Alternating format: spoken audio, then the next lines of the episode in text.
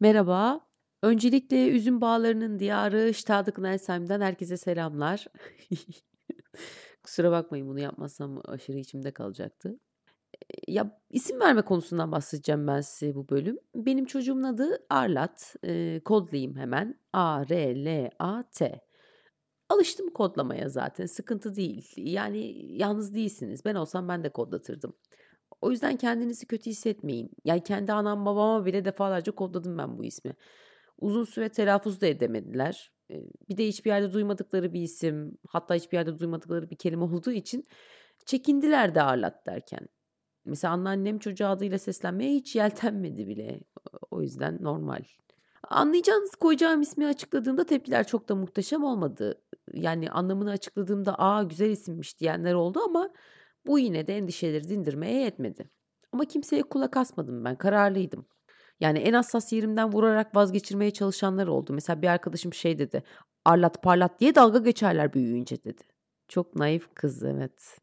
Yani ben bu uğurda Arlat Domalt'ı göze almışım, Arlat parlat. Ne ki yani?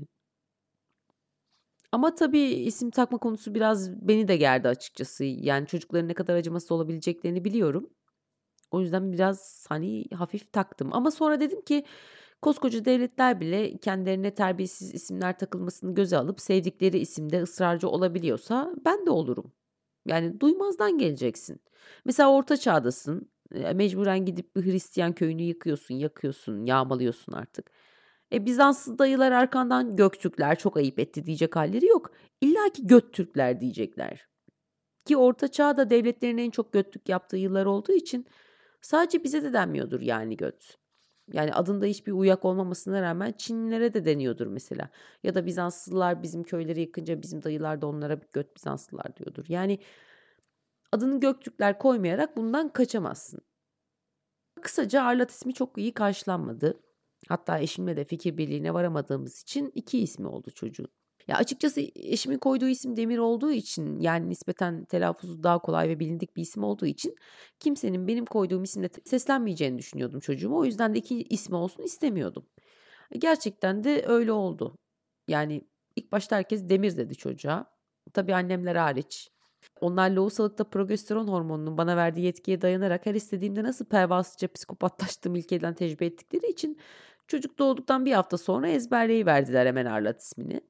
Geriye kalanlar da 1,5 senenin sonunda nihayet Arlat diye seslenmeye başladılar ama ama ben o 1,5 sene boyunca yaşadığım, acaba çocuk hayatı boyunca Iron Man'den esinlenilmiş bir isimle mi çağrılacak korkusuna sebep olan Rüzgar Erkoçlar'ı, ııı, tamamen affedebilir miyim bilmiyorum. Aslında Demir isimden kocamı vazgeçirmek için harika bir fırsat geçmişti elime. 2019'da çıkan Endgame'e ben hamileyken birlikte gitmiştik. E, Robert Downey Jr.'ın cenazesini bizzat yan yana izledik. Yani dünyalar benim oldu. Belli ki bitti. Ondan daha iyi oyuncu da gelmez. Iron Man hiçbir zaman bu kadar popüler olmayacak belli. Gel vazgeç şu isim, isimden dedim. Bunu bir Avengers hayranına anlatmak kolay değil tabii. Yani Doctor Strange zamanını geri alırsa Iron Man canlanabilir bir kere falan dedi. Ya dedim kol saatini mi geri alıyorsun? Kolay mı zamanı geri al, ekibi topla, yüzüklü adamla bir daha savaş falan. Kolay değil o işler dedim. Yüzüklü adama yüzüklü adam dediğim için küçümseyici bir gülüş attı önce. Eee, sonra üstenci bir dille sen merak etme güzelim Marvel bir daha toplamak isterse toplar o ekibi dedi. Ben de karşılığında o ölme eşeğim ölme halamın da sakalı olsa amcam olurdu dedim demez olaydım.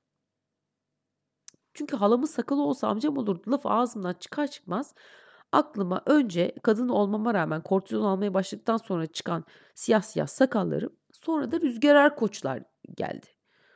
Ama Rüzgar Erkoçlar'ın kim olduğunu bilmiyorum. Sadece öyle bir isim belirdi kafamda. Çünkü hamilelikte hafıza çalışmıyor. Yani beynin hafıza kısmı paralize mi oluyor ne oluyorsa artık. Yani bana bu atasözünün Rüzgar Erkoçlar'la bir şekilde bağlantılı olduğunu anlatmaya çalışan kahraman bir nöron var ama gerisi yok. Kafayı yiyeceğim yani. Konsantrasyonum tamamen bozuldu. Barış da o sırada gaza gelmiş işte Doctor Strange'in mu- mucizelerini anlatıyor böyle ağzında tükürükler püskürte püskürte artık ölüyü mü diriltiyor, kötürümleri mi yürütüyor ne yapıyorsa. Ben de normal zamanda bile Marvel dinlerken kon- konsantrasyonunu 3. saniyede kaybeden bir insan olarak Rüzgar Koçlar kimdi diye düşünürken hiç dinleyemiyorum ne dediğini. Hı tabii tabii hı, falan diye cevaplar veriyorum hiç tatmin edici olmayan. Ama sonra bu böyle olmayacak dedim ve çaktırmadan Rüzgar Erkoçları Google'ladım. Google'layınca Rüzgar Kuşları'nın kim olduğunu hatırladım. Ve tam telefonu kapatıp kavgaya geri dönecektim ki böyle bir başlık gördüm. Rüzgar Koçlardan feministleri kızdıracak açıklamalar tarzı bir, bir şey gördüm ve dayanamayıp tıkladım. Olay da orada koptu zaten. Barış Doctor Strange'i bitirdi. Wakanda diyor, Black Widow, Thor, Kaptan Amerika artık Hulk, Mark neyse. Bunlardan bahsederken ben Rüzgar Koçlar'ın Hülya Avşar'la yaptığı ve erkek olduktan sonra matematiğinin geliştiğini iddia ettiği röportajı izlemeye başlamıştım bile yani. Eve gidene kadar Barış e, bütün karakterlerin performansını bir şekilde oğlumuzun ikinci adının Demir olmasına bağlamayı başardı. Ama ben Rüzgar Koçlar'a o kadar sinirlenmiştim ki hiçbir şey umurumda değildi artık. Ve o geceyi de Demir ismine karşı argüman üretmek yerine Rüzgar Erkoçlar'ın röportajını tekrar tekrar izleyerek konu hakkında yapılan yorumları ekşiyi mekşiyi falan böyle tarayarak geçirdim. Hatta obsesyon oldu bu bende. Yani doğurana kadar buna taktım ben. Nasıl böyle bir şey der ya falan diyorum. Mühendisim ya. Hiç kaldıramıyorum ya. Ne sanıyor bu kendini ya diyorum. Böyle bu ülkedeki bütün kadın mühendisleri FETÖ'cü mü sanıyor falan diyorum. Bir yandan da matematik yeteneklerimi sürekli kontrol ediyorum hani hala oradalar mı diye. Ama doğum, doğum izninde olduğum için evde kendi imkanlarımla işte evdeki elipsalları, integralli alanlarını hesaplıyorum. Perde kıvrımlarının türevlerini alıyorum falan. Ve hesapladıkça da rüzgar koçlara daha çok kızıyorum. Böyle o karşımdaymış gibi evde kendim kendime konuşuyorum. Bak diyorum 8,5 aylık hamileyim. Burama kadar östrojen doluyum ama yine de çözüyorum. Demek ki neymiş? Olay testosteronda değilmiş. Dümbük falan yapıyorum böyle. Neyse işte öyle o şekil e, kaynadı ikinci isim olayı. Demir koyduk oğlanın ikinci adını. Benim de zaman içinde rüzgar koçları olan kinim azaldı. Zaten o kadar yükselmemin sebebi de o dönemki hormonlardı muhtemelen. Ya da çocuk doğduktan sonra mühendisliği bırakıp ev hanımı olacağım için kompleks yapmıştım. Şu anda aşırı kin duymuyorum rüzgar koçlara. Belki iyi bir ile oldu. Yani onun sayesinde ne zaman koca parası yiyen bir ev hanımı olduğumu hatırlasam evde herhangi bir objenin türevini alarak kolayca kendime aslında mühendis olduğumu hatırlatabiliyorum. Ya bu çocuğa isim koyma konusu zaten herhalde Türkiye'de feminizm hareketinin canlanmasıyla birlikte yani kadınların iş gücüne katılmasının toplumun en azından büyük şeylerde yaşayan kısmı tarafından kabul gördüğü yıllardan ki galiba 90'lı yıllara tekabül ediyor. İşte o yıllardan beri bir anne baba çekişmesine dönüşmeye başlamıştı sanırım. Yani çocukken bizim evde durum çok öyle değildi. Hala bebeğe isim takma konusunda ataerkil değerlerin borusu ötüyordu ama tahmin ediyorum ki işte annenin finansal olarak daha aktif işte evin gelirinin yarısını falan kazanabildiği evlerde doğacak bebeğin isminin ne olacağı konusu daha büyük tartışmalara sebep oluyordu. Ve bu durum en çok babaanneyi muhtemelen rahatsız ediyordu yani bebeğin babaannesini. Çünkü ataerkil düzeni sorgulamayı bile aklına getirmediği için hani hayatı boyunca kendi fikirlerini, isteklerini hep bastırmak zorunda kalan bir insan yani en çok onun zoruna gitmiştir muhtemelen. Madem doğacak çocuğun adını annesi koyabiliyor ben neden o kadar çok istememe rağmen Yasin koyamadım, hiçbir çocuğumun adını İhsan koyamadım, Eyüp koyamadım, Makara koyamadım falan diye düşünüyor muhtemelen. Yani zamanında kendi istediği ismi koyamadığı için gelinin de böyle bir şey kalkışması en çok babaanneyi rahatsız ediyordu herhalde. E 90'lardaki yeni gelinler de şimdiki gibi çocuğun adını Ebu Bekir Sıddık, Usame bin Zeyd ya da Necmettin Bilal gibi isimler tercih etmedikleri için uzlaşmaya da gidilmesi kolay olmuyordu herhalde. O yüzden o dönem daha büyük sıkıntıydı isim olayı. Bizler iki ailede de çocuğun adının Ebu Bekir Sıddık olması konusunda ısrarcı olan kimse olmadığı için görece şanslıydım tabii ama ama benim verdiğim isim yerine oğullarının taktıkları isim olan Demir'i tercih etmelerine ilk başta mani olamadım kayınlarımın. Özellikle doğum yaptıktan sonraki 3 gün yani hala hastanedeyken hani Arlat ismini kabul ettirmek konusunda çok ısrarcı olamadım. Hatta hastanedeyken hiçbir konuda ısrarcı olamadım. Hiçbir konuda ağırlığımı koy- koyamadım. Yani hiç bulaşmadım. Öyle uslu uslu yattım yatağımda. Hastaneye ziyarete gelenlerin çıkışta aynı sessiz gelinleri var maşallah dediklerinden eminim. Koluma bağlı duran serumun epudral olduğunu tahmin edemediler muhtemelen. Üstelik serumun kontrolü de benim elimdeydi. Yani hemşire ameliyat yerinde ağrı hissettikçe bu düğmeye bas, epudral kana karışır, sızlayan yer hemencik uyuşur demişti. Birkaç saat içinde epudralin sadece fiziksel ağrıları değil, psikolojik sorunlarımı da uyuşturduğunu fark ettim. Galiba bu yüzden hastane günlerimi yani epudral serumun değişim saatleri hariç genelde çok iyi hatırlıyorum. Mesela kayınvalidem bir şey öksüyor, veriyorum epidural. Annem bir şey öksüyor, veriyorum epidural. Çocuk ağlıyor, veriyorum epidural. İşte ne bileyim doktor gelmiyor, veriyorum epidural. Dolayısıyla birileri çocuğuma demir diye seslendikçe de verdim epidurali yani.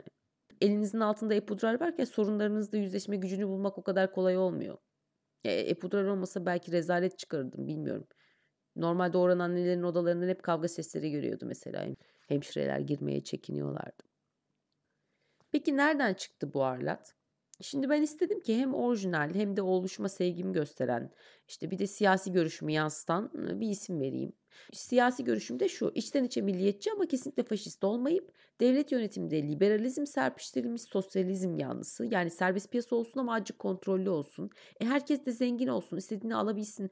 Ama Türkler biraz daha zengin olabilir tarzı. Müthiş kafası karışık ayrıca full demokrasiye de inanmayan yani içine biraz elitizm serpiştirilmesi lazım diyen işte oy verecekler bir sınava tabi tutulsun ya da ÖSS'de derece yapanların oyları 5 oy sayılsın tabii FETÖ'cüler hariç. Böyle ortaya karışık çok orijinal bir siyasi görüşüm olduğu için çocuğa da daha önce hiç duymadığınız Türkiye'de de hiç kimsede bulunmayan bir isim verdim.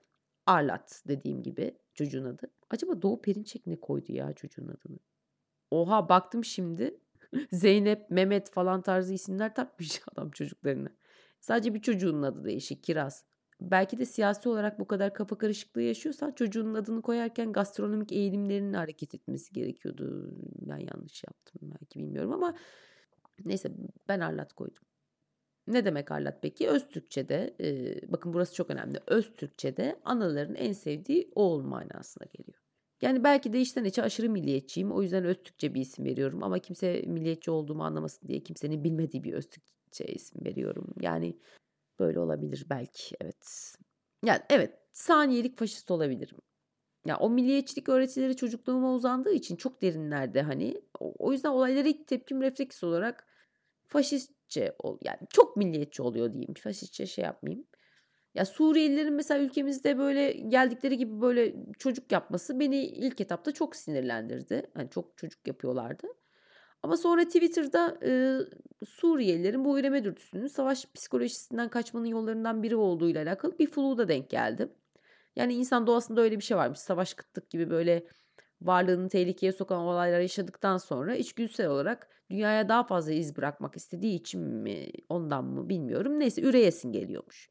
Hatta 2. Dünya Savaşı'ndan sonra da böyle olmuş. Zaten baby boomerların adının baby boomer olmasının sebebi de bu. Ama ben yine de ikna olmadım yani. Prezervatif diye bir şey var abi ya falan diyorum. Tabii prezervatif fiyatından bir haberdim.